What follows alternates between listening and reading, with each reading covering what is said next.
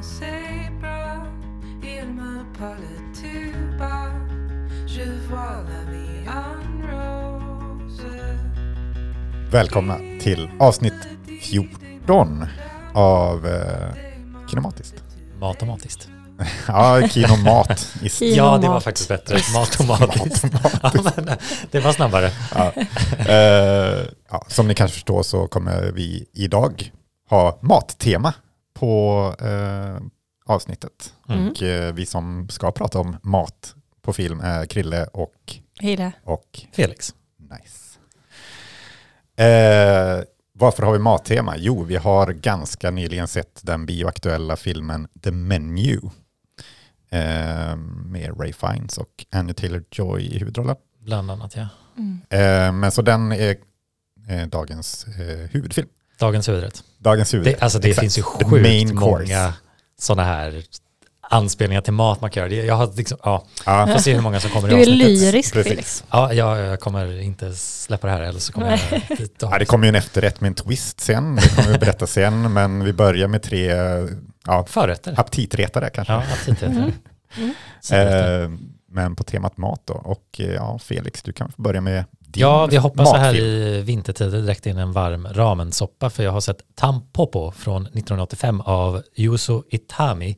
Eh, en, eh, ja, vad jag har förstått som en, så en klassiker inom matfilm och film om mat och eh, är ju rätt tidig med 85 när vi har faktiskt alla tre sett filmer under 80-talet. Eh, Mhm. Ja, vi, vi satt och snackade om det alldeles här Mm. innan. Varför blev 80-talet matdecenniet inom film? Det är Det är frågan. Ja, Ja, dekadens och pengar leder till bra mat. ja, kanske, ja, jag vet inte Nej. vad det var. Men ja, Tampopo i alla fall har eh, definitivt ett fokus på ramen. Den kallar sig, sig den första ramenvästen i anspelning på spagettivästen och den har ju lite, lånar ju lite den eh, storystrukturen liksom till och liknande karaktärer för att berätta sin historia. Men för att snabbt berätta vad den handlar om, den har, den har en ganska lös struktur men eh, Tampopo syftat på en kvinna som heter Tampopo. Det betyder eh, eh, dandelion, alltså en eh, Maskrus. Maskros, tack. Eh, och hon eh, bedriver en restaurang som är, ja, den är inte toppen riktigt. Och en kväll så får hon besök av två truck, eh, long distance truck drivers, alltså, Lastbilschaufförer. tack. Svenskan idag. Ja, alltså. inte med mig. Eh, som kommer in på restaurangen och märker att men det här var nog inte riktigt liksom så här tipptopp. Typ. Hon lägger liksom nudlarna i icke-kokande vatten. Det här går ju inte. Eh, äter där, hamnar i en fight med de som sitter i baren och det leder till att hon känner att ja men gud förlåt, ni slogs, ni måste hjälpa mig och så börjar de prata mat och det märks att hon vill bli bättre på ramen och Goro och Gun tror jag, eller Goro och någon annan, jag glömmer andra namnens karaktär, de bestämmer sig för att ge kritik och hjälpa den här Tampopo i hennes jakt till att bli en bättre ramenkock helt enkelt. Ja, den, den, den bara går, utgår från det och sen så då genom filmen så har, finns det flera vignetter som eh, Itami liksom utforskar andra idéer kring mat. Så att det är en sån här film som den blir lite, inte sketchartad, men den, den är inte liksom en traditionell storystruktur, utan man, man hoppar ganska fritt från Mm. andra personer som lite naturligt faller in, så får man följa dem istället. Och det, det skapar en, eh, en väldigt unik film. Det är liksom, jag känner inte så igen det, men det, det var länge sedan jag såg något som var så här och liksom, den är väldigt rolig och sprudlande och ganska löjlig, men på ett bra sätt och välgjord i det. Eh, Så att den var inte vad jag trodde. Jag hade nog tänkt att den kanske skulle vara mer dramatisk och mer koncentrerad kring ramen och mat, men den är mer festlig, livlig och eh, löjlig och anspelar på kanske någon mer eh, underliga aspekterna av mänskligt beteende i relation till mat. Eh, den är ju lite ökänd för att ha lite matsexscener med ett gangsterpar som Ja, eh, ja, de, det är deras grej i princip. Och eh, det är ju en scen då som jag tror folk, man har svårt att glömma bort när man har sett den, när de passerar en äggula mellan varandras munnar. Mm. Eh, och det låter speciellt och det är speciellt. Och Ja, det såg jag klipp. För du, Ja. du skickade ju en Mm. video. Eh, en videoessay av de här Every Frame a Painting Precis. paret Taylor Ramos och Tony Shu Mm. som har gjort det för Criterion Collection. Ja, Eh, som jag tittade på ja. då. Och då var den scenen med. Exakt. eh, så eh, ja, den var jag inte beredd på faktiskt. Jag också så här, för den kommer ganska tidigt och då var så här, okej, det här är inte filmen jag trodde det var, men den hade redan vunnit över mig för att den är rolig och charmig och har, den kändes lite så här anime-eskt på ett sätt, liksom, för att den, eh, den har förhöjda scener liksom och den, den, den är rolig generellt sett också. Känner att jag är också lite all over the place med hur jag be- beskriver den här. Men eh, Nej men eh, det känns som att det passar med tanke på Ja. att den verkar vara lite all over the place. ja, men det är som att eh, man vet inte riktigt var man ska börja och sluta för att man ska man prata om vignetterna, ska man prata om main storyn liksom. För att, men eh, ja, som den här essayn tog upp som vi precis nämnde där, en sak som den behandlar är väl lite det här som han då anspelar på mer än vad jag kanske själv har lanserat, just det här med amatörer. Att vara intresserad, villig och nyfiken på någonting man inte riktigt är expert på. Och det känns som att det finns många exempel på den här filmen på ett intressant sätt. För de här vignetterna man får följa är ju, det är ju en matfilm, men det är inte som att det är liksom mat på högsta nivån. Men den, den spelar liksom, det är mer som, återigen den här Essence sa, så tyckte jag det var bra att filmen går emot alla som tänker att det finns ett rätt sätt att äta eller förhålla sig till mat. Och det, det är en skön attityd som filmen har. Eh, Tampopo då i hennes jakt på att bli en bättre kock eh, eh kommer över liksom fler eh, ja, mästare och sådana som kan ge kritik. Men då visar det sig att liksom Goros, den här personen som har ledande mest, hans eh, ja, master, om man ska säga, han är en hemlös före detta restaurantör tror jag, eller något, som bor liksom med hemlösa i utsidan av, ja, jag vet inte vilken stad de är, jag tror det är Tokyo. Men det, det liksom visar, det är liksom högt och lågt i klass och vilken bakgrund man har, men man kan ju inte ta ifrån någons liksom uppskattning av mat och smaksinne och liknande. Så att det får verkligen vara väldigt så här kufer av personligheter genomgående. Eh, och en film som jag tycker också visar många vackra, eller många fina scener där det är liksom det här att mat kan handla också inte bara hur man lagar det men hur man gör det och hur mycket man eh, har eh, eh, sin uppmärksamhet till liksom det man gör. Och det finns många, för att då den här Tampopo ska bli bättre så går de till andra restauranger och liksom bevakar så här, se hur han gör det här. Men det handlar inte någonsin om matlagningen i sig utan mer hur de behandlar kunden, hur de liksom rör sig i köket och det, är liksom, det blir den här lite klassiska bli bättre montagegrejen. Man känner ju igen sådana filmer, liksom allt från Också väldigt 80-taligt. Ja, Med montage. Ja, Ja, montage och sånt. Och den har ju inte riktigt, den har några montage och den har till och med att de ska träna för att Ja, bli jag bättre i såg köket. det, det var ju jätteroligt Ja. att hon eh, springer liksom som ett Mm. träningsmontage. Eh, Men de bästa är definitivt när de är liksom i andra kök och bevakar kockarna hur de ska göra det här bra för att det ska bli en bra upplevelse också. Mm. Och det känns kanske också, jag vet inte, lite japanskt och liksom ta in helheten i allting och inte bara fokusera att det, så här, det ska smaka så gott som möjligt liksom och så kommer allt lösa sig. Det blir liksom inte den här eh, traditionella, för, eller liksom, eh, som man bara vet exakt hur det kommer gå. Liksom. Eh, den är lite se- egensinnad på sitt, eh, ja den är egensinnad och det, det är en styrka med den. Liksom. Mm. Eh, Ja, jag, jag, jag såg den, men det var ett tag sedan. Mm. Ehm, men ja, nej, men den, den är ju väldigt crazy. Den, den är väldigt japansk på många sätt känns det ju som också. Ja, jo men det är den verkligen. Liksom. Den, den, har vissa saker, eh, eller det känns också som att ramen och det den visar har ju också vuxit i popularitet sen den kom ut. Liksom. Jag läste lite om att recensionerna på tiden nämnde ju inte alls ramen. De sa, ja, tittare kanske inte riktigt vet om japansk mat, men det är inte nödvändigtvis fokusen. Men nu har ju bara ramen eh, exploderat senaste 15 åren. Typ, liksom. Så eh, ja, den, den har ju många bra scener med ramen också. Det, det ser ju ganska gott ut genomgående, men den är också ganska äcklig ibland också. Handlar inte bara om det fina med kulinaritet och sånt. Och, och det, det är verkligen inte bara det här med ätandet liksom. Mm. Eh, och det var, det var kul att se, men den, den, den var kontrollerat överraskande. Så att man visste aldrig riktigt vad de här vignetterna skulle leda. Nej. Och vissa var väl mer träffsäkra än andra. Men överlag så var det kul. Liksom. Det, det kunde den inte hjälpa att inte vara. Liksom. Eh, Det känns ju ofta sådana här vignettfilmer kan vara lite så här, nej, det här funkar inte riktigt. Eller att det liksom ska vara någon samhällskritik som känns lite platt. Och kanske några aspekter av det, men generellt sett så lyckas den. Eh, Så ja, eh, sprudlande sp- rabenvästen helt enkelt. Och eh, något jag definitivt skulle rekommendera. Men ja, det var lite om Tampopo. Eh, Då rullar vi över till 87. Ja, eh, jo, men jag tänkte ju prata om Babettes Feast som vi alla har sett. Mm. Eh, Ett Babettes gästabud heter den där. ja, och något liknande på danska, Ja, okej. hur man nu säger det. Mm. Eh, för det är ju en dansk film av eh, Gabriel Axel. Och ja, den handlar ju om eh, två systrar i en liten by i Danmark. Eh, och eh, ja, de här två systrarna har en eh, fransk hushållerska vid namn Babette. Och ehm, ja, de här systrarna, eh, deras pappa var en pastor i den här byn då, som alla hade väldigt mycket tilltro till och Ja, han Mycket kärlek väl, till. eh, i princip som en liksom, teologisk kultledare nästan. Mm. Som att han är, Precis, och de, nämner, de säger ju liksom att det är en religiös sekt, Ja, vilket jag ja. inte kommer ihåg. Det har jag ju sett den här filmen två gånger nu då. Jag tänker också Eh. så här, eh, eller kanske bra för det sammanhanget, men när är den utspelar sig? Är det sent 1800-tal eller är det? Mm. ja, men, mm, När de är gamla systrarna så tror det är 1877. Ah, okej. Eh, ja, jag vet inte, den här sekten då känns väl kanske inte jättesektig, men det känns som att de vill leva ett väldigt anspråkslöst liv som möjligt och bara vara ja, goda kristna. ja, det är ju verkligen den lutheranska sidan av kristendomen att vara, mm, liksom, leva mer som Jesus med få ägodomar och inte Mm, över sin Puritan, förmåga liksom. och, liksom, och Mm. sådant. Får inte njuta liksom. Nej, Nej, precis. Eh, och man får, liksom, man får se lite tillbakablickar då från när de var unga, när deras pappa levde. Och olika möten i deras liv där som hade kunnat eh, innebära möjligheter för dem att lämna byn. Men som de aldrig gjorde då och blev kvar.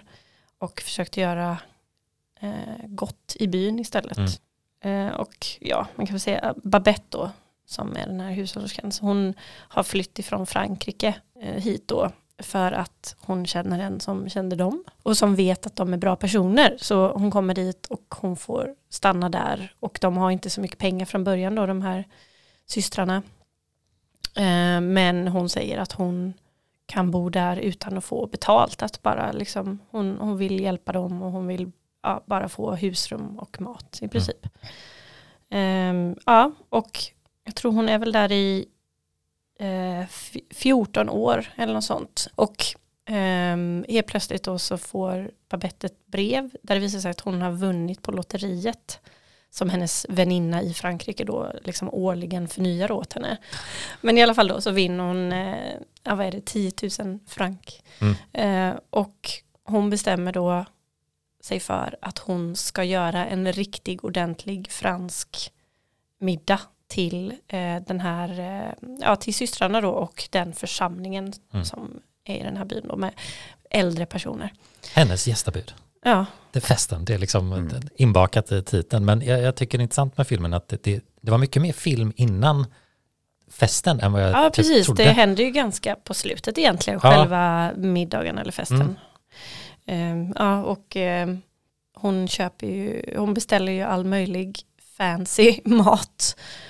Ehm, Ja, lite intressant eh, bara med Tampopo och eh, Babest fest är att båda innehåller eh, en scen eller en rätt med sköldpadda. mhm, Och mm. båda innehåller scener där man liksom ser en, i Babette ser den ju lite mer fejklevande ut, men det är definitivt en levande i Tampopo eh, som ska slaktas. Eh, ja, det, det var bara weird att se två matfilmer. Det, alltså, det är ju en sån delikatess som har väl definitivt fallit ur popularitet med senaste 30 åren. Men det var, ja, med tanke på sköldpaddor är Ja, folk har lite fått uppsikt om det där, men Ja. det, det, var, det var underligt och man bara, två filmer med liksom Ja, jo, det är faktiskt märkligt. Men grejen är då att en av systrarna eh, har haft en mardröm där hon liksom drömmer att och den här eh, festen med den här maten som Babette ska göra, det är liksom någonting syndigt. Hon ser liksom att de ska Ja. njuta av den här maten och det får de ju inte göra. Så hon samlar alla och säger att vi, vi äter men vi ska inte njuta och vi ska inte prata om det. Eh, ja, och det blir ju väldigt svårt för dem, som man märker sen då under middagen, att hålla det här. För att maten är ju så fantastisk och det är ju inte som någonting annat de har smakat i sitt liv. För man får ju se liksom tidigare hur de äter sån här eh, Ja, gröt gjord på Man, öl och bröd. ja, man vill kalla det bröl liksom. Eller liksom det är en grå, eh, brun, en brun sörja. Ja. Mm. Och det, ja, som sagt, det är verkligen inte som någonting annat de någonsin har smakat. De vet inte ens vad, vad sakerna är för någonting i princip. Och eh, på den här festen då så har de också, eh, är det en general som är inbjuden då som var med tidigare i filmen när han var yngre. eh, som var kär i en av systrarna och systrarna var kär i honom. Men det blev ingenting. Så hon, han är också en del av liksom En det här. svensk general. Precis, en svensk general. Eh, och han är ju den enda då runt det här bordet som eh, ja, Ja, han är ju inte med på den här...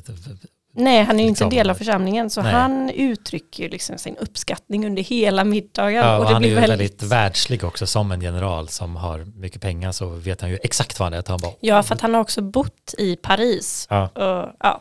Så han, han känner igen maten liksom. en otrolig karaktär som jag eh, hörde Krille några veckor Krille innan jag såg älskar den här Ja. karaktären. Citera, och jag förstår varför. Jarl Kulle spelar ju honom då. Mm. Eh, och han, ja, han är ju helt fantastisk i, Mm. i den filmen. Men han har en otrolig stämma när han säger de här. Ja, han har ju så bra röst, Jarl Ja. Kulle. Ja, Krille, vill du säga något? Nej, lägger in ett uh, citat istället. Ja, Det här är ju Blinis Demidov. nej men det är en fantastisk scen när han liksom är helt förtrollad av den här maten och alla andra sitter där och försöker hålla ett så Masken, ja. neutralt ansiktsuttryck som möjligt men man ser att de inte riktigt kan det. de kan liksom inte bekräfta honom och det blir så här, ja, vädret lär bli Ja, intressant de bara imorgon. byter samtalsämne Ja. direkt. Liksom. Och han Ja. liksom så här, Det, det kan nog bli Bisarrt. snö imorgon. ja, Eh, Men det är fint hur alla liksom runt det här bordet blir, efter att ha ändå varit tjafsat ganska mycket och bråkat med varandra under tidigare eh, scener, de här gamla människorna då, så får man se hur de liksom typ smälter inför varandra och börjar uppskatta varandras sällskap igen. Nej men det är, en, det är en väldigt fin och stillsam film, väldigt vacker. Och jag, skrev, eller jag såg att någon skrev att den var opretentiös och det håller jag verkligen med om att den är. Mm. Den är verkligen ja, stillsam och vacker på ett opretentiöst sätt. Och den har också en berättarröst som gör att den känns lite som en saga. Mm. Ehm, och jag vet inte om det är för att den är baserad på en berättelse av Karen Blixen. Just det. Ehm, så det kanske har med saken att göra. Men den känns ändå ja, men väldigt opretentiös och fin. Och det känns som att... den är ju lite, den liksom, eller jag, jag, den slog, den känns som en väldigt kristlig Jo, berättelse och det, det, liksom, det, den, det är inte ett störande element men det slog mig sen efteråt, det här var en väldigt kristen film på ett sätt och Den, den är, har, ja, den är en av, jag tror 30 filmer som är på Vatikanens lista Mm, över så här, de här filmerna är okej. mm, ja, någon påves favoritfilm också. Men jag minns inte men vilken någonstans påve. med att den, Paulus, den andra kanske. den har en lite mer godtyckliga, liksom, generösa spirit av kristendom liksom, och den, den går inte för långt men den, liksom, den försöker inte heller eh, förvränga det eller liksom, eh, göra någon dramatik ur det utan den får vara den här lite vackra försiktiga filmen och Mm. komma till en kraftfullt slut ändå med liksom en emotionell catharsis via den här middagen. Ja, Så liksom lyckas den verkligen med slutet tycker jag. För den, den är lite långsam och eh, liksom mycket typ sång och kör och sånt får man höra. Man kommer lite in i den här stillsamma tråkiga världen delvis de lever i som är ja. kanske lite smaklös men eh, liksom givande för dem. Mm. Så blir verkligen Babette liksom någon som lite disruptar det liksom och Ja. visar att så här, ni kan njuta av, liksom, av någonting och det inte behöver gå emot er tro liksom typ. Mm. Eh, Ja, jag kan ju tycka att det blir lite, lite väl religiöst Mm. ibland. Eller, och just det här med att det blir, alltså essensen av det blir på något sätt att det gör ingenting att du inte fick eh, leva ditt liv fullt ut. För i himlen så kommer änglarna gråta för vilken fantastisk konstnär du är. Alltså båda de här systrarna då för att den ena hade kunnat bli operasångerska för att hon var fantastiskt duktig på att sjunga. Och den andra hade kunnat leva ett liv, liksom, få bo i Paris eller på alla möjliga ställen liksom, med den här generalen då. Men de stannade kvar i den här lilla byn. Eh, men ja, och det var samma sak, det ser de ju till Babette också då. Ditt konstnärskap kommer uppskattas i himlen. Vatikan bara fem av fem. Ja, Mm. så jag kan väl tycka att eh, Ja, den blir lite halvpräktig ibland. Ja. Kan man tycka. Men, men, Men det är jag- roligt för ni såg ju, du såg om den nu då, du har ju sett den ganska nyligen Ja, också Felix. första gången. Och eh, ja, men det var ett tag sedan jag såg den. Eh, Men jag, jag tycker väldigt, jag älskar den liksom. Jag har den på min topp 100 tror jag till och med. Men det är typ bara för tredje akten, alltså det är bara för middag, för där innan kommer jag knappt ihåg liksom. nej, det nej. Och det, det var samma för mig. Ja, För att jag, det var ändå inte jättelänge sedan jag såg den första gången. Men nu när jag såg om den så insåg jag att det, jag mest kom ihåg var ju middagen. mm. Jag hade glömt flera grejer som, som hände i tidigt i filmen. Liksom. Jag kommer inte ihåg hur omständigheterna var. Och det visar ju, ja men dels, eh, alltså den är ju välgjord på så många sätt, men också Mm. framförallt Jarl Kulles impact. Ja, ja. det, alltså, det- ja, så jävla minnesvärd eh, rollprestation. Alltså. Men eh, kanske från kristet och präktigt till eh, dekadens och vulgaritet. ja, just det. Mm. till min film då, från 89. Vi håller oss kvar på 80-talet som sagt. Eh, och har sett The Cook, The Thief, His Wife and Her Lover. Lång titel. Det är ändå en titel som, jag, eller jag kommer ihåg den liksom från när jag var liten, att så här, den, den titeln liksom fanns där. Typ. Och jag, alltså jag tror, den har ju, det finns säkert minst, ett, minst två Simpsons-avsnitt typ, som heter något liknande. Ja, Och- men, för jag kommer ihåg den också, alltså Mm, titeln. mm. Och det fick mig att tro att jag hade sett den, men det hade jag inte. Nej. Den såg jag sen. Ja, Jag är för ung. ja. ja men jag, kom, jag tror också att den ofta fanns i så här rea, DVD-backar liksom. eh, Mm. Kanske Under jag, DVD-samlartiden. Det kan- ja, jag fast- kanske såg den på Nässjö stadsbibliotek. Kanske, mycket möjligt. Ehm, nej, så, så det är ändå, ändå en film som på något sätt alltid har funnits där, ehm, men som jag inte hade sett förrän nu. Då. Ehm, men den är regisserad av Peter Greenaway eh, och ehm, den handlar om, det är en restaurang, Le Hollandaise tror jag den heter, Mm. som ägs av en gangster som heter Albert Spi Spisa, eh, som spelas av Michael Gambon, som väl nu kanske är mest känd som Dumbledore. Mm. Ehm, och han är ju eh, The Thief då i titeln så att säga. Mm. Eh, och eh, ja, det är väl lite clash mellan honom och eh, kocken då som är en fransk kock som eh, sköter själva restaurangen. Eh, men den här gangstern har, har köpt äganderätten. Eh, och han är där med sitt gäng varje natt eller varje kväll och käkar. Eh, och hans fru då som spelas av eh, Helen Mirren. Eh, och eh, ja, de, de svinar runt helt enkelt. Mm. Och liksom sviningar mot personalen, sviningar mot andra som sitter där och käkar och sviningar mot varandra. De är så sviniga som, som man kan bli. Ja, ja men det är liksom höjden av max. svinighet. Absolut. Eh, Skru, uppskruvat. ja. Eh, och eh, eh, Helen Mirren då, eh, hon heter eh, Georgina. Georgina, precis tack. Mm. Hon börjar en romans med en annan besökare på, på restaurangen. En ganska tråkig bokhandlare som kommer dit och käkar. Men de, de inleder en, ja, går iväg i smyg då på restaurangen och ja, har en affär mitt under näsan på den här gangstern och han märker ingenting på väldigt länge. Eh, Men till slut så börjar han att något eh, inte stämmer och, eh, ja, och så går det vidare därifrån helt Mm. enkelt. Ehm, Så det är väl egentligen själva storyn. Ehm, Men ja, som sagt det är väldigt, väldigt dekadent allting och det är väldigt ganska vulgärt. Det börjar med en, en tortyrscen där någon får äta hundbajs Mm. och blir pissad Ja, på. Okej. ja. Ja.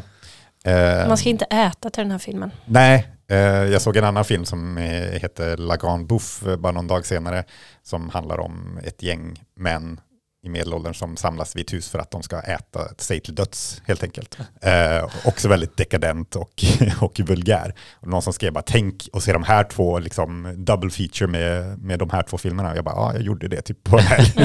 och ja, det, man blir inte jättematsugen kanske. Nej.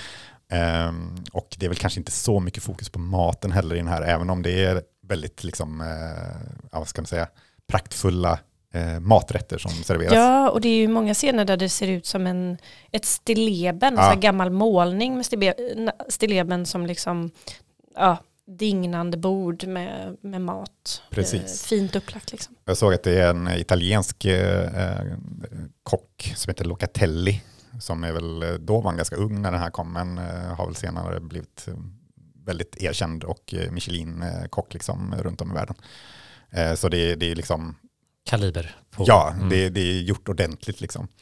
Och han är ju väldigt, eh, han är ju väldigt konstnärlig av sig, Peter Greenaway. Eh, han är ju väldigt, eh, jag såg ett citat om en av hans tidigare filmer, The Droughtmans eh, Contract.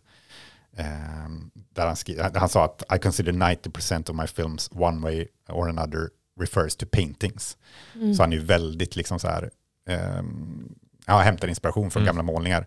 Framförallt flamländsk eh, barockmålningar. Ja, men då kan det man kan jag ju se nu eh, när du, när du ja. säger det. Jag Ja. hade ingen aning om det faktiskt. Nej, är det är ju eh, bland annat en stor eh, liksom, barockmålning eh, som hänger i restaurangen då, som liksom får väldigt mycket ja, space. Ja, men precis. Eh, Och eh, The Draughtman's Contract handlar om eh, konstnärer på 1800-talet också, och, eller 1800-talet, tidigare blir det väl 1700-talet. Är det väl. Och han har gjort eh, filmer om Rembrandt och hans, eh, vad heter den, The Night Watchman, nej vad heter den? Ja, den här jättekända. målningen, ja. Ja, Mhm, målningen. ja, ja. Mm. Eh, Så, så han är ju väldigt inne på det här med målning och det syns väldigt i hans, eh, hans filmskapande. Och det gör det väldigt intressant tycker jag. Jag, jag gillar den här väldigt mycket och jag Mm. gillade också hans eh, tidigare Drottmans Contract. Just för att ja, men det, det, är liksom, det är väldigt mycket konst i varje liksom, bildruta. Eh, och ja, men som du sa, även maten såg ut som liksom, målningar i stort sett. Mm. Eh, ja, jag, jag tycker det är väldigt intressant just hans bildspråk och, eh, eh, och så vidare. Det ser ut som en teaterscen också, Ja, hela filmen. den är väldigt teatralisk, eh, alltså i sitt uttryck. Eh, Kulisser liksom. Det, ja, men det är som kulisser, alltså det Mm. känns inte liksom, för allt utspelar sig nästan i, i den här restaurangen då, och strax utanför. Det är några andra scener också Mm. på andra ställen, men framförallt är det ju den här restaurangen. Och det, ja, men det känns ju aldrig som att man är i en riktig restaurang, utan det känns som eh, liksom kulisser. Man bör, Mm. filmen börjar med att den typ filmar under liksom själva scenen då, man ska säga, och panorerar upp så man ser liksom själva bygget nästan. Eh, och det gillar jag också. Mm. Eh, Ja, men, eh, det, det låter trevligt och jag tänker bara, eh, även om det kanske inte handlar så mycket om att de smakar och äter maten, jag bara Mm. tänker, men mötet kring en måltid, mm. det är ju rikt för en historia och speciellt bra Mm. restauranger för man ska ha en, en contained story som är liksom Mm. en lokal. Det är ju mycket som kan hända under en middag liksom och Ja, precis. en anledning att ha personer prata med varandra liksom. Ja, och de pratar ju väldigt mycket om maten också. Liksom. Eh, och han försöker ju, eller ja, det blir mycket av klass. Så här, bara, ja, men Mm. jag vet vad, fi, vad bra mat är, ni har ingen aning. Liksom, bla, bla, bla.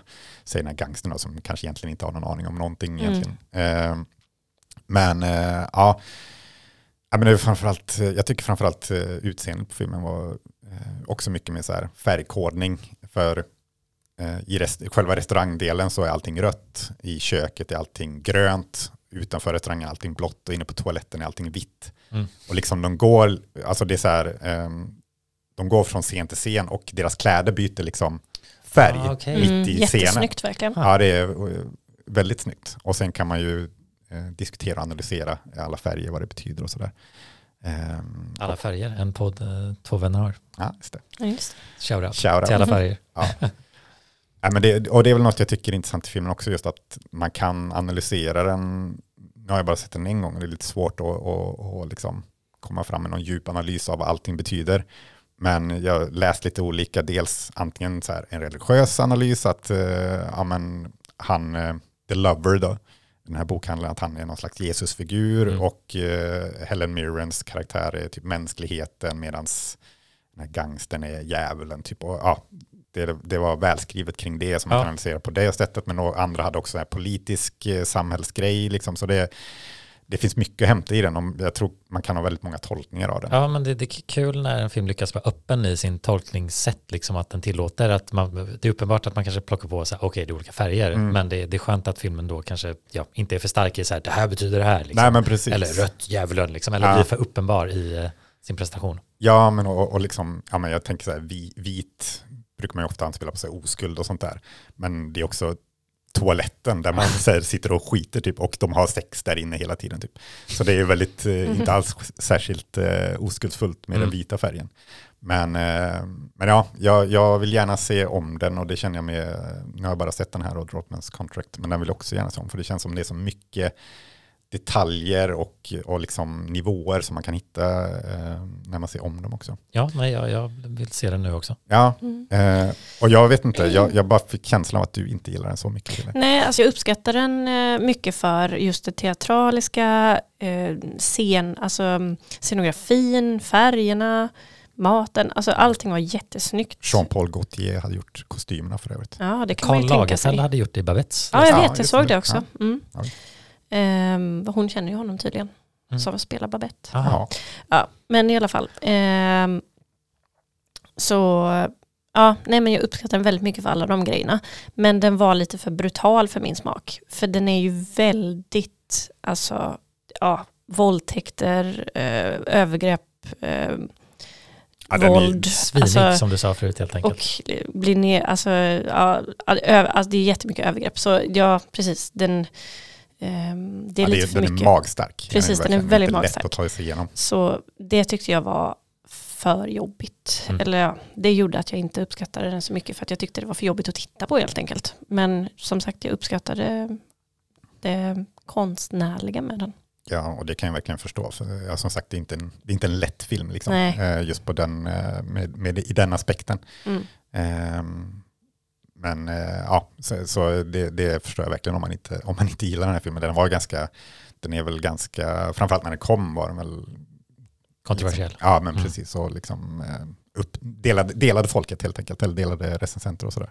Mm, Eh. Har väl kanske fått lite mer, eller har blivit lite mer av en kultfilm och um, klassiker liksom i efterhand. Mm. Men eh, ja, jag, som sagt, jag tycker det är en väldigt intressant film. Eh, kommer man över det vulgära och obscena i den så, så är det en väldigt bra film. Ja, Mm. Ät middag innan, inte efter. Ah, Precis. Good evening. Welcome to Hawthorne. I'm Julian Slowick, and tonight it'll be our pleasure to feed you. Ja, då plockar vi in eh, kvällens huvudrätt. Yes. Eh, bioaktuella The Menu. Ja. Eh, för den borde väl fortfarande gå på bio va? Det tror jag nog. Det, det känns som att den har, den gjort bra ifrån sig i USA i alla fall. Den, Mm. eh, Det är ju inte att det behöver indikera hur väl den längre den går i Sverige, men lite tyder på att folk verkar vara, vilja se den här filmen. Känns också som en film som kommer väldigt inom kort på streamingtjänster. På. Ja det, man kan, ja, det känns som att den kommer hamna på HBO snart eller någonting. Disney Plus, de äger väl 20th Century Fox. Ah. Då är det nog Disney. Ja, men Mm. eh, du är väl den största matnörden oss tre kanske Felix. så ja, du det, får, det kan jag ta titeln. Jag kan, får- Gourmanden. jag kan eh, gå igenom innehållsförteckningen här, Ja. eh, ge lite bakgrund. ingredienserna. Exakt, det kommer aldrig ta slut här. Eh, I alla fall, det är Mark Mylod, Mylod som har gjort den här filmen. Jag tror det är hans första, det är hans debutfilm, Mm. men han är mer känd som tv-regissör. Eh, har gjort eh, avsnitt av Succession mest senast eh, och vunnit någon Emmy eller något liknande för den och även gjort för Game of Thrones, men han har även gjort för Entourage såg jag, vilket Wow. känns mindre positivt. Eh, men ja, mer tv-bakgrund helt enkelt. Och Mm. filmen läste jag faktiskt var uppe på tapeten eh, redan några år sedan och hade Fines rätt tidigt, men det skulle vara Emma Stone i rollen som Anja Mm, Taylor-Joy läste spelar. Mm. Och att det skulle vara Alexander Payne som skulle vara eh, regissör. Mm. Men det blev Mark Mylod istället. Och den blev filmad under covid. Så att ja, det blev väl det var någon scheduling issues, i alla fall inte superviktigt, men intressant att bara, visa, hur skulle den filmen varit liksom? Mm. När det blir ett sånt script som liksom flyter runt där så blir det så här många olika kombinationer, eh, andra ingredienser än annan rätt. Mm. Eh, I alla fall, så kort, filmen då handlar om, eh, det finns då en restaurang som eh, eh, Niklas Holt och Anya Taylor-Joys karaktär ska till. De är på en dejt och väntar på en båt som ska ta den här restaurangen. Eh, och man får veta direkt att så här, det här är en exklusiv restaurang eh, och man börjar se de andra gästerna välla in till den här båten och märka att oj, här var en matkritiker som är superhypad. Och som Niklas Hult karaktär känner igen och sen bara oj, men det, det här är ju någon B-kändis som i världen spelar sig själv. Och det är då John Leguizamos som spelar typ sig själv på ett sätt som Ja. en matintresserad liksom, kändis och så kommer de här tech bro-gubbarna som har skitmycket pengar och eh, självklart har plats på den här restaurangen och alla anländer till den här fantastiska ön där restaurangen ligger på och de går genom skogarna och förbi havet där liksom eh, pilgrimsmusslorna de ska äta senare på kvällen fångas direkt färska eh, och sen så kommer de till rökerirummet och de visar där de har perfekt åldrat köttet så att det är liksom precis på gränsen till att bli liksom gå dåligt men de tar det exakt innan så att man Var det inte på dör. något gammalt svenskt sätt eller vad sa de i filmen?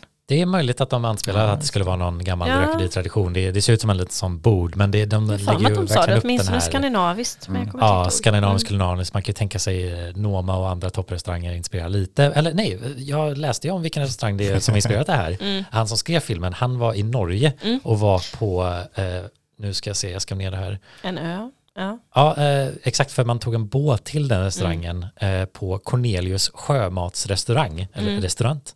eh, och då måste man just ta en båt och komma till typ en liten sidobyggnad vid liksom en eh, fjord Mm. där de då fångar ingredienserna där restaurangen är. Mm. Så det hade inspirerat honom att börja skriva den här eh, filmen helt enkelt. Mm, jag såg det också. Eh, Men ja, och de inleds i den här restaurangen, får sätta sig ner och eh, ja, man märker att den här huvudkocken som Ralph Fiennes spelar då är en intressant karaktär som är väldigt stark i sitt koncept kring mat och man får ju de första rätterna och introduceras med tal av honom och man säger den här personen känns intens. Eh, och man får sen då hoppa mellan borden och alla har ju lite olika reaktioner på maten men också man får liksom det blir lite den här klassiska vilka är de här, vad är de här, vad är deras bakgrund? Och man sitter där lite och gissar som tittare liksom över eh, vad har de här för, ja, vad är relationerna, vad är dramat mellan dem? Eh, och alla sitter verkligen i den här restaurangen eh, med varandra hela tiden i princip. Men ja, det är väl lite för att sätta upp vad den handlar om. Det, det, det ligger något och lur där under ytan som bubblar upp ju mer filmen går. Eh, vi håller väl eh, lite lättare spoilers kanske lite senare, men eh, det är för att säga vad filmen handlar om i alla fall lite. Ja.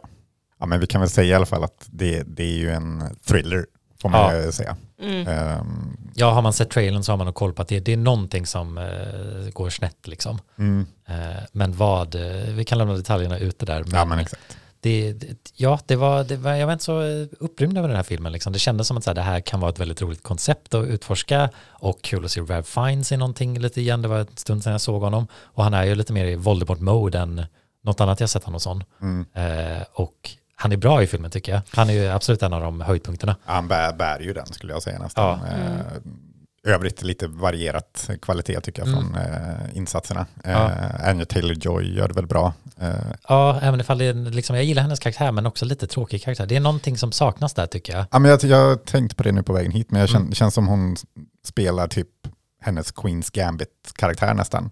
Eller alltså, ja, men lite samma, samma typ av, alltså hon spelade på samma sätt skulle jag säga nästan. Ja, och det är som att det är också lite, hon blir ju verkligen så här eh, publikens, det är audience surrogate liksom, Ja. vi ska vara henne liksom, vi reagerar till den här superfancy maten som bara, vad är det här? Det här är inte ens Ja. mat liksom. Ja, precis. När det har nått en sån nivå av, ja, jag vet inte. Pretentiös och Pretentiöst. konceptualitet liksom att Att, det, att det blir liksom, det blir skrattretande. Ja, en av Mm. rätterna till exempel är ju vad han kallar bröd, men eh, det är inget Bröd, bröd. utan bröd. Ja, Mm. exakt, för att eh, gästerna som är på den här restaurangen förtjänar inte bröd, för bröd är en föda för de som har få men, för att bröd är en sån speciell del av mathistorien och har alltid funnits liksom och eh, odlar mycket vete så att han serverar dem bara En tom tallrik med tillbehören till Ja, bröd. han, liksom, det man ska bre på brödet, det är det Ja. de får smaka på liksom, och då är det liksom olika grejer liksom. Ja. Och Niklas Hult då, han är ju den här supermatnörden som har kommit dit liksom och eh, Foodie. Ja, Mm. han är liksom för inne i det här liksom och det sätts ju lite på spets med att han liksom vill ju bli omtyckt av den här stjärnkocken så mycket. Ja, för han är ju också, ja, hans karaktär är ju då, han är ju väldigt, så här, bryr sig inte om allt som går fel sen då, Mm. utan han bara så här, men ge mig nästa maträtt liksom. Ja. Han, han vill bara ha maten. Han reagerar inte så mycket på det som händer Nej, runt omkring. Han är exakt. bara så fokuserad på det han ska äta. Mm. Och han är ju verkligen motsatsen till Anya Taylor-Joy där som någon Ja. som är supersåld på det här konceptet liksom och tycker allt är toppen. Mm. Och eh, jag tycker han är bra på att sälja liksom den, liksom att det inte känns för överdrivet hans liksom så här, oh my god, det här är så intressant och smakar så gott eh, reaktion Mm. liksom. Ja, nej, jag köper ändå hans karaktär, det Mm. gör jag verkligen. Mm. Ja, jag, jag kan väl tycka hans karaktär i, i stort sen blir lite övertydlig eventuellt. Mm. Ehm, Senare ja, eller och, va? Ja, Mm. och mycket i filmen överlag väl, känns ganska övertydlig. Ja. Ehm, Ja, det är väl kanske om man ska, eh, ja, övertydligheten i filmen är väl kanske den, den sämre. Ja, men jag tänker, det- rich. Ja men det, alltså jag vet inte, det, det enkla, den enkla analysen är väl att den är så här anti all matsnobberi. Mm. Eh, och, eh, eller hur, hur känner du som foodie som har Ja. typ klippkort på Noma och sådär? Hur, Ja. hur kände du dig träffad och eh, Alltså, arg? jag, jag kände, det det jag reagerade kanske mer på den aspekten, är, jag tyckte väl delvis ibland den kunde vara lite tråkig idé, men att eh, ibland det jag störde mig mer som en bara så här instinktuell reaktion var att jag tyckte att en del av skådisarna fake åt för nonchalant, liksom. Att visst det är ju Niklas Hults karaktär som ska vara den som smakar av, Mm. men de andra typ sitter och bara nom nom nom nom, prata prata och liksom så här, men ni skulle inte göra så på en sån här restaurang, liksom. Det gjorde att jag drogs ur filmens atmosfär och upplevelse. Och det var någonting också som genomgående jag hade lite svårt för, för jag kände att det var liksom lite för ljust i den här restaurangen. Mm. Liksom man såg allting lite för mycket. Det kändes inte som en riktigt äkta plats och de har även liksom en green screen för liksom, eh, miljön Utsidan. utanför. Ja, ja. Så att de har ju varit liksom på en, en byggt sätt ja. liksom. Och det förstår jag ju krävs liksom. Men det var någonting som kändes lite off med atmosfären som jag inte liksom uppskattade alltid bara för att det drog lite ur mig platsen liksom. Ja, eh, och med tank- eller på tal om atmosfären så, eh, jag vet du var inne på det tror jag också direkt efter vi såg den, men att det, det känns ju väldigt som en Ari Aster rip-off, typ att nu ska vi göra en film, in, för det är så här man gör thrillers, Ja, skräckfilmer, ja. liksom Ja, den, foto och, Mm. och liksom, ja men allting kändes väldigt så här. ja, jag såg att det var cinematografen som gjort eh, Mulholland Drive bland Ja, annat. jo det såg jag. Ja, men det han kanske man också, inte riktigt nej, kan... eh, Men han har också gjort Now You See Me 2. inte den första utan den andra. Så att, men han gjorde Twin Peaks säsong 3. Så att, ja, Ja, högt och lågt bland Ja. hans eh, karriär. Men eh, jag kan ju tänka mig att Lynch har ju ganska mycket att säga till om i sina filmer. Så, ja, det är ju mer blir- eh, hans visuella Mm. storytelling man Här kan jag nog tänka mig att, eller jag, jag vet inte nu bara Ja. Spekulerar, Ja. men att det kanske är mer producenter och sånt som bara, ja men vi vill göra den här typen av film. Mm. Så film, filma den som eh, Hereditary liksom. Ja, och det är väl där någonstans liksom, eh, kanske mitt krux med filmen, är att den, den vill ju skifta och vara många olika saker samtidigt och över filmens gång. Men den, den lyckas inte riktigt hålla tonen alltid och det känns som att skådisarna gör det bra, men det blir, det blir man vet inte riktigt vilken film man ser på ibland. Och det, det, den är inte riktigt tillräckligt smart eller tillräckligt i sin egen atmosfär för att man ska bli överraskad av allting.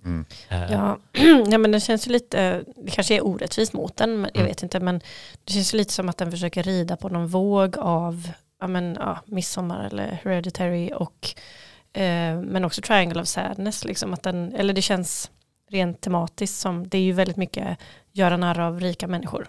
Mm. Det var intressant för jag såg en, eh, den här andra intervjun jag refererade till, då pratade eller en, en Mark Mylod om att han gärna inte tyckte den liksom så här, nej det är inte Eat Rich bara liksom. Han hade inte så mycket att säga att vad det egentligen var, Nej. men han var medveten om att det fanns Triangle of Sadness ute redan och att han tyckte, ah, det, är, det är den enkla tolkningen men jag tycker jag gör något mer. Men jag tycker inte riktigt filmen lyckas eh, lyfta någon vidare. Det, är liksom, det blir inte Mm. riktigt så djupt eller så intressant på alla aspekter som det känns som att han vill. Men eh, han, eh, det var ju också intressant att höra honom för han pratar mer om liksom karaktärerna och deras bakgrund och lite sånt där. Och det finns absolut en tanke. Och jag tänker han har ju jobbat med Succession där det också är många personer man inte gillar men man gillar att titta på dem. Och den försöker lite med det här. Men jag tyckte generellt sett också många av de andra gästparen att de inte riktigt var så intressanta. Jag brydde mig inte så mycket om de här tech bros. Jag brydde mig inte så mycket om Jo- John Leguizamos eh, assistent. Eh, liksom Nej. det blev lite platt, om man, för man hoppar ju lite till olika bord och bord och blir lite Mm. så här B, C, A, D stories liksom. Men det var ju mer Ralph Fiennes man ville titta på. Ja, nej, det hade kunnat gjorts mycket mer Mm. intressant med de här. För, de ska ändå ha en väldigt stor del, de är inte bara liksom bakgrundskaraktärer. Så de försöker så här, eh, lägga in någon slags Mm. bakgrund och grejer kring dem. Men det, som, som, som du säger, det blir aldrig riktigt intressant. Men, men trots det så vill jag ändå säga att jag var underhållen genom hela filmen.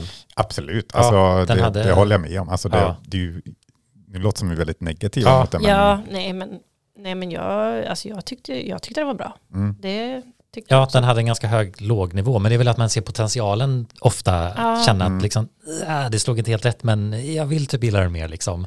Men, Men, men jag, eller det såg jag väl i förtexterna redan, men eh, också tänkt på efterhand. Men en av producenterna, ja, dels är Will Ferrell en av producenterna, eh, men Adam McKay är också en, producent, en av producenterna. Och det är ju en filmskapare som jag har väldigt svårt för. Det är han som har gjort The Big Short och Don't Look Up mest senast. Ja. för, Jaha, ja, just det. Som, Som- säga några. Tyckte för- jag kände igen namnet. För det jag ogillar med honom är att han känns så jävla nöjd i sina satirer. Mm. Eh, men, men de är så jäkla övertydliga och bara töntiga.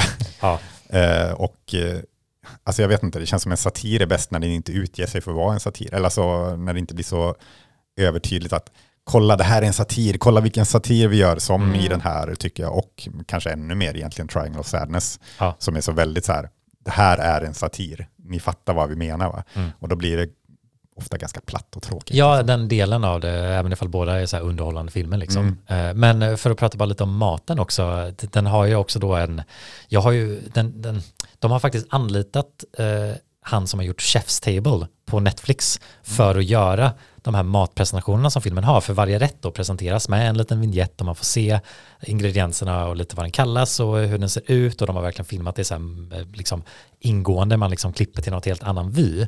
Eh, och det är ganska snyggt gjort liksom och maten ser ganska fin ut genomgående. Det, är liksom, det, det köper man än så. Eh, nu har jag inte sett Chef's Table så jag vet inte om jag tyckte det var så roligt. Liksom, ironin blev, den, den slog inte så för mig utan det blev bara ett sätt att presentera det liksom. Men det, det känns väl som ett val även ifall det känns som ett lite populistiskt val kanske. Så här, vi, vi tar Netflix-saken liksom. Och, eh, men det, det är väl så filmer gör så. Det är nog bara min egna åsikt. Ja, Eh. eller ja, jag var lite mm, kluven kring det. Eller jag, tänkte, jag, jag gillade det. Men samtidigt så tänkte jag att det var lite mm, obvious. Men, Ja, samt, och sen, men sen så vet jag inte vad de skulle haft annars. Nej, de, de försöker med lite humor med det också. Det, Mm. det funkar inte riktigt för mig. Men det kanske också var att man inte sett uh, Chef's Table liksom, och tyckte det var kul att de gjorde kul med det. Liksom. Mm. Mm. Eller använde det i det här kontextet. Men eh, sen också, eh, de hade då också självklart en stjärnkock, en eh, Guide Michelin, tre Guide Michelin eh, kock från USA, en kvinna vars namn är eh, Dominic Kren, Kren tror jag det var till och med, Mm. som de har anlitat för att se till så att allting görs på korrekt sätt liksom. För han, Mark Mylod sa själv att han är ingen foodie och inte hade någon koll så att han var väldigt glad att ha någon som visste vad de gör och allting ska vara korrekt liksom när de står och Ja, för lagar man får ju se, se hela tiden när rätterna tillagas också. Så mm, för att det ska kännas ändå på riktigt så krävs Ja. det att det ser, ser, att de gör rätt. Liksom. Mm. Och det är en restaurang med liksom, där man ser in i köket. Så att Mm. kockarna finns också alltid i bakgrunden. Liksom, och säger yes chef liksom, Mm. och sådant. Så att, eh, men bara gällande så här matnöjet så liksom, jag fann nog mer nöje att titta på Babettes fest, liksom, Mm. mat och kanske ibland tampopo än den här gällande så. Även ifall det är ju inte ett krav för en film. Liksom. Men det är väl just att eh, jag kanske önskar att den var ännu mer där. Men det är kanske bara för att jag tycker det är intressant. Liksom. Eh, men eh, ja, ska vi, ska vi säga något eh, om eh, slutet? Ska vi spoila lite grann också? Ja, ja, ja, Eller ska vi skippa jag tror vi det kan lämna. Vi, vi skulle kanske kunna betygsätta det redan eller känns det för tidigt? Det känns som en film som har så mycket potential på något sätt. Ja, ja men det är, den är lite svår att det är prata om. lite um, swing and miss på vissa sätt. Mm. Eh, samtidigt som sagt, jag tycker det var en underhållande film. Liksom. Mm. Ja, det, det, var inte en, det var inte en tråkig eller dålig film. Nej. Men, men vissa, vissa liksom, ja, det hade kunnat gjorts ännu bättre på något sätt. Ja. Mer eget kanske. Ja, det känns inte riktigt som att den fastnar så mycket hos en. Eller om man ska tänka att det ska vara en sån här film, om man ska jämföra med ja, jag vet inte, Midsommar då, som många verkar göra. Eh, så känns det inte som att det är någonting som man tar med sig så mycket. Att man går runt och tänker i efterhand så mycket på det liksom, jag vet inte, fasansfulla eller något underliggande budskap eller någonting. Utan det, var liksom, det är bara så här, ja ah, shit, det var så det slutade. Ja, Gisses. den Men går liksom inte tillräckligt långt för att vara förhöjd på ett liksom roligt sätt. Den, liksom, det känns som att typ Nope och andras, liksom, eller det är inte tillräckligt mycket spektakel eller någonting. nej, och precis. det, är inte det kanske inte är eh, tillräckligt avvägd. nej. Jag vet inte. För det är inte åt andra hållet heller att den känns så allvarlig alltid heller. Det känns som att den, den har lite kul med sig själv. Men den Ja. går inte tillräckligt långt i det. För det var också mycket av humorn och liksom skämten som så här, det var lite små underhållande men det var inte Mm. riktigt som man skattade liksom. Chuckle några gånger Ja. gjorde jag. Men eh, ja, Men man, man ville liksom skruva upp det eller Ja. dra ner det liksom. Och, Ja. ja. Men, men samtidigt verkligen igen, en underhållande film som Ja. liksom så här, behöver ni se någonting med familjen under jul, The Menu kan ni gå och se. Den Ja, ja absolut. ja, ja. Med det sagt, ska vi sätta något eh, betyg på Ja. det här? Hur många Michelin-stjärnor får den? Ja, det, den får ju en så, så många man kan få eh, gällande Michelinstjärnor. Då är det bara ett Det- till tre då. Ja. Ja. exakt. Och den får nog en en trea för mig. Det känns Mm. som att den, den är liksom på rätt kant av missad potential. Liksom. Mm. Den är inte dålig, men den kunde varit ännu mer. Mm. Mm. Ja, jag, jag sätter också en trea. Bara, vi måste ju förtydliga också att det är då inte det högsta betyget, utan det är tre av fem Exakt. fortfarande. Men i Michelin-världen är det högsta. ja. Det, man kan få max tre. Men, ehm, ja, nej, men som, som vi har varit inne på hela tiden, är att eh, det hade kunnat varit eh, bättre. eh, om- Underkokt. Ja, underkokt. ja, nej men tre för mig också. Mm. Är det första gången vi har samma betyg allihopa? Mm. Jag har inte koll på det här, men det Nej. känns som att vi brukar ja, ha men det, olika. det, ja, precis. Oftast är det ju lite olika. Ja, det någon halv, stegra, halvbetyg i alla ja. fall. Det är ju den här stegrande Mm. brukar vi ha ibland. Det Men, går ja. från tre till tre. Ja, men det, har- det har nog hänt någon gång innan i alla fall.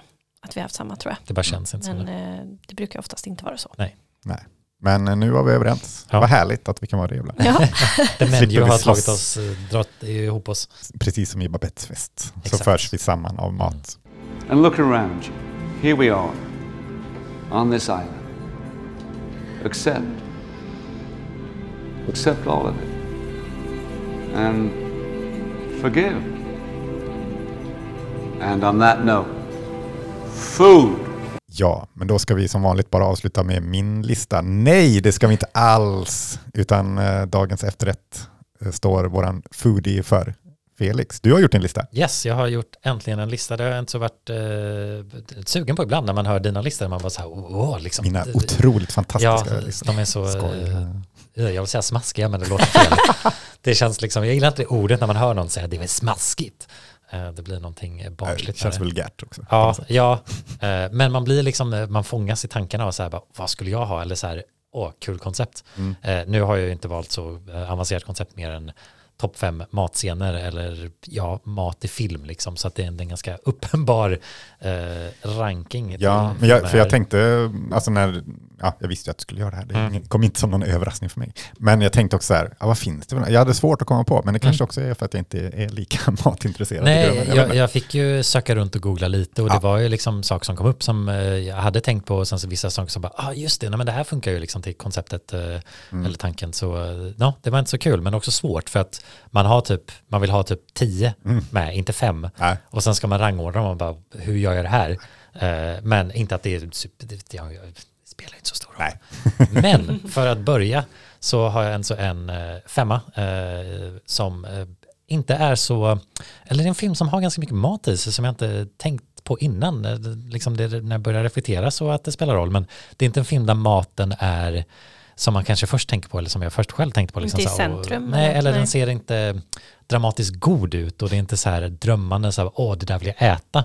Det liksom känns som att det var många sådana filmer som först kom till minnet, liksom, där man Mm. minns att man så här, det såg gott ut. Men det är Paul Thomas Andersons Phantom Thread. Mm. Och den har ju mat, alltså det är ju liksom, Jag har ju pratat om den i tidigare ja, avsnitt. jag har pratat om den Mm. tidigare också, men den har ju många scener delvis, liksom, deras meet cute är när han ska beställa mat av henne i filmen, när de två karaktärer som blir kära i varandra. Eh, och sen så har den ju också en del scener när han, Daniel Day-Lewis, eh, han spelar ju en eh, väldigt eh, pretentiös konstnär och han har ju lite så här misofoni när man då hatar matljud. Och det finns ju många roliga scener där de äter frukost och han bara inte kan ta att det låter för mycket när man brer smöret på liksom toasten. Eh, Men jag tänker också mest på, inte för att spoila, men mot slutet där eh, ja, det finns en person som väljer att äta någonting och det får väldigt stor betydelse för filmen. Så maten är ju egentligen i Ja, och liksom, det, det slog mig att liksom, jag har nog inte sett en film där man liksom äh, valet att konsumera någonting anspelar så mycket på deras relation till varandra i en romantisk anspråk. Så det är inte den här matfetischen på något sätt, liksom. eller det är det, men också inte. Så ja, det- den var väldigt intressant tycker jag till hur den använder mat och valet av att bli serverad och få någonting. Liksom. Och när, jag, när jag tänkte mer så kände jag att nej, men den här, jag gillar den här, men den, den hamnar lite högre på listan bara för att det inte är så, det, det ser inte så gott ut, det är inte liksom prat om det, men det är ändå så essentiellt i filmen. Och det var lite kul att bara, men den här, ja, den, den hör hemma på den här listan. Eh, nummer fyra kommer någonting som jag tror alla skulle ha med på sin lista, eller i alla fall tänka ut, för den kommer nog väldigt snabbt när man tänker matfilm, och det är Ratatouille. Pixars Ratatouille. Eh, och det är ju då scenen där eh, ja, antagonisten Anton Ego ska gå på den här restaurangen och få sin ratatouille serverad och få det här matminnet till han var en liten pojke i Provence eller någonting och eh, mamman serverar ratatouille. Och eh, jag tycker det är en sån bra film generellt sett med mat och liksom gör det bra, men just att så klockrent anspelar på mat, smakminne. Eh, och man minns ju den rätten också liksom och eh, det, det är någonting också med animering och annat som gör att man tillåter sig drömma mer hur det skulle smaka. Liksom den rätten kommer aldrig se så god ut som den kan göra i liksom Pixars händer. Nej. Eh, och jag tycker alltså att de, de brukar ju vara rätt bra på det här med animera och visualisera liksom eh, inre känslor liksom och upplevelser och hur det, liksom, det blir en sån här dolly zoom på hans ansikte och han liksom kommer in i, det är snyggt gjort eh, och jag tycker den hör hemma på eh, ens mat. Ja, men det filmen. är kul för jag tänkte, alltså, jag hade lite svårt att välja vilken film jag skulle prata om och så tänkte jag, ska jag egentligen kolla om Ratatouille och Mm. prata om den? För jag tänkte den borde ju ändå kanske vara med på ett, den har ju fått lite uppsving också och Mm. så här, nu är den typ den mest älskade Pixar-filmen helt plötsligt. Ja, det känns som att alla som var mindre den som såg den har vuxit upp och Ja. börjat gilla film och gillar den nu. Ja, men så det är bra att den ändå får vara med i det här Ja. avsnittet. Eh, nummer tre har vi faktiskt inte en film, så det här är lite fel för att jag såg då att den är egentligen av ett tv-avsnitt Mm. från 69 och det är Pippi. Pippi går i affärer heter typ avsnittet. Ja. Eh, finns på SVT att titta på, men det är ju då när Pippi och eh, Tommy och Annika köper godis. Ja, det är ju Det är, fantastiskt. det är insane vad Mm. läskande och gott och intressant det såg ut som barn liksom. Ja, det var helt, ja, man blir ju helt eh, förtrollad. Ja, och så är det liksom godis från förr så att liksom man känner igen vissa saker men vissa saker inte alls. Och man bara, är det typ smörpopcorn de har i den där saken? Mm. Vad, vad är det? Och så har de ju då scenen där liksom barnen utanför som inte har massa pengar eller guldpengar som Pippi har, tittar in på glaset och liksom så här önskar att de fick äta det. Så att det bara förstärker den här känslan av så här, åh, jag vill äta det här, liksom, speciellt när man är barn. Eh, och ja, den har verkligen bara brunnit sig in i mitt minne. Jag tror alltid Eh. var lite äcklad av den scenen. Okej, ja, Jaha. d- den är ju, de smaskar ju på så här mums-mums och grejer. och Ja, det men blir- jag tror dels, dels så Ja. var jag väldigt kräsen mot allt, Mm. även godis när jag var liten. Eh, Men också, ja, men det kändes typ mer vulgär än The Cooked the Thief. Lover nästan. Ja, jag när bara, ma- framförallt de där mums-mums när du säger dem. mm. Fan, äckligt alltså. Ja, ja men absolut, det, jag förstår att det kan slå fel, men det är någonting, liksom allting som är så färgrikt, liksom, och det, det känns verkligen som att det är ju för barn och de anspelar ju verkligen upp det, för de har ju så här, när hon väl ska köpa de här 18 kilo karameller så kommer den här butik, eh, ja hon som har butiken ut med de här färgglada påsarna som är liksom man aldrig sett godis ligga i liksom och aldrig kommer liksom på något sätt. Eh, och de drar de här långa stängerna med liksom hallonsnören och liksom allting ser visuellt eh, bara färgsprakande ut. Ja, jag, Det- jag kan förstå bra. det pil, men det var inte för mig. Ja, men det, det är verkligen sån där, jag ville ta någonting från barndomen, för det var så mycket jag minns som man, så här, typ, man bara såg, på, alltså typ läste Kalle Anka och man bara, den där kalkonen ser så jävla god ut, varför ser den så god ut? I alla fall, eh, Ghibli kommer självklart nummer två här. Eh, och det var svårt att välja, men det blev en så spirited away. För jag tycker delvis så ser det typ, det är ju då scenen i början av filmen när eh, eh, flickan man får följa eh, kommer in till den här mystiska, eh, ja, övergivna tivolit eller vad man ska kalla det och föräldrarna plötsligt dras till ett stånd där det bara väller upp mat som ser delvis typ påhittad och det är liksom kungskrabba, det är dumpling som ser ut som små varelser, det är kyckling och de bara dras in av det här och det, är liksom, det ser både gott ut men också någonting att det anspelar på det här dekadenta och Mm. överindulget och överätandet och de Just den förändras. scenen Mm. tycker jag mest som Krille säger med godisaffären känns äcklig på något sätt. Ja, Eller det är som, så jag minns det i alla fall. Ja, den, den har ju det att den börjar intressant tycker jag bara visuellt men sen så går det över till någonting som blir för mycket och föräldrarna förvandlas ju också till grisar liksom och det, den har liksom den lite, det är ju början av den här mardrömmen som blir för Ren som jag tror hon heter. Eh, och jag tycker det är intressant just eh, att det blir lite som en dröm där man kanske har en dröm där ens föräldrar tappar kontroll. Man kan inte gå till dem för säkerhet liksom. Så jag tycker den gör det väldigt väl att använda maten som någonting som förändrar hennes relation och hennes tillvaro eh, men också bara visuellt sätter sig så i huvudet liksom. Och det finns ju väldigt många exempel på Ghibli-filmer där de bara gör mat väldigt varsamt och vackert liksom. det känns som i med- Spirited Way kanske den har den största rollen ändå. Ja, för det blir ju också mycket med sen eh, No Face, Mm. liksom, eh, antagonisten. Han är ju också någon glupsk, liksom, det blir ju lite den dödssynden liksom med, Mm. Och, eh, Vräker i sig. Ja, så att det, det är ju början av det redan där liksom och att det, det kommer återkomma i filmen. Så att eh, ja, den, den spelar både roll tematiskt och liksom man kan se det på många olika sätt men också har det här visuella och jättefint animerade och målat liksom. Men sen så Howard's Moving Castle när de steker ägg och bacon. Ja, Eh, men sen också When Marnie Was There när de skivar tomater. Alla filmer har ju någonting med mat i dem där liksom. Men ja, eh, nummer ett eh, blir kanske lite överraskande för mig också. Det, det kändes rätt. Eh, och eh, ni vet redan alla om det, för det är Babettes fest. Ah, Ja, Ja, Den har jag ju sett. ja. men det var inte så någonting med att jag tycker att den har, som vi pratade om det här starka slutet, nu har vi liksom varit lite inne på liksom vad den handlar om och kontextet och spoiler, men någonstans med att se henne laga det, de äta det, men också då hur storyn har sagt upp att så här, det är vissa som inte ska gilla det eller får inte prata om det och hur det förändrar, liksom allting löser sig i den sekvensen. Den är ju ganska lång, det är många rätter och jag tycker maten ser fascinerande och intressant ut. Den har liksom fångat någon så här toppmat på den tiden historiskt sett och att hon visar sig vara den här superkocken från Paris liksom som har gjort de här väldigt eh, nästan avantgarde rätterna med liksom eh, vaktlar fyllda med eh, eh, tryffel eh, och sen eh, vinet också eh, som eh, säkert var tipptopp där och liksom de har uppskattningen över att det är både gästerna som får äta det, det får vara den här danska killen som hjälper henne servera talet och sen så är det liksom han som har, åker häst med vagn och forslat allting, han får också lite, alla liksom kommer med in i den här måltiden och det är liksom någonstans där bara njutningen över en middag och vara i nuet och dras in och dela den upplevelsen som jag tycker den gör bättre än någon annan film jag kunde tänka på.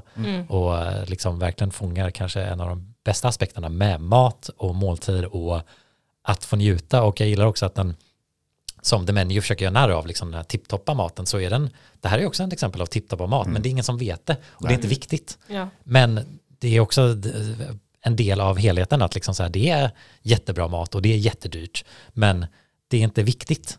Liksom, och det är inte viktigt för de här personerna. Det är liksom, ja, jag, jag tycker den, den är liksom inklusiv men också väldigt hög i sin matkunskap på något sätt. Mm. Och det ser väldigt gott ut. Och eh, det är ju franskt då. Så att, eh, det kan vara tråkigt ibland, men det här var det bra. Men ja, det var min lista för första gången. Ja, kul eh, med Ja. en lista från dig. Nu väntar vi bara på Hilles list eh, oskuld, att den ska mm, bli tagen.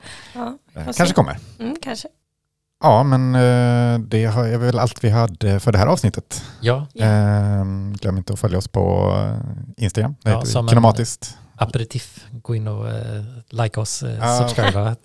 Precis. Och receptet på den här podcasten hittar ni på Letterboxd där det står, kommer med en lista med Ah. alla eh, filmer som vi pratar om. Snyggt. Mm. Eh, och där kan ni också följa oss. Mm. Och eh, ja, den här Guldpodden, eh, omröstningen är avslutad. Det blev inget pris i år, men vi siktar på nästa år istället. Men Mm. eh, ja, vi får tacka alla som nominerade Ja. och röstade i alla fall. Tack så mycket Mm. för det. Ja, jag har inte sett vilka som vann. Vi får slå dem nästa år. Men eh, då är det bara dags att säga hej då vi spelar någon matrelaterad låt som vi ska fundera ut vilken det blir. Yes. Ja. Men det kommer en, eh, en Någonting. god Ja. bit här. Förmodligen inte en synk i alla fall, men man vet aldrig. Men eh, vi tackar för oss och säger hej då. Mm, Hej då!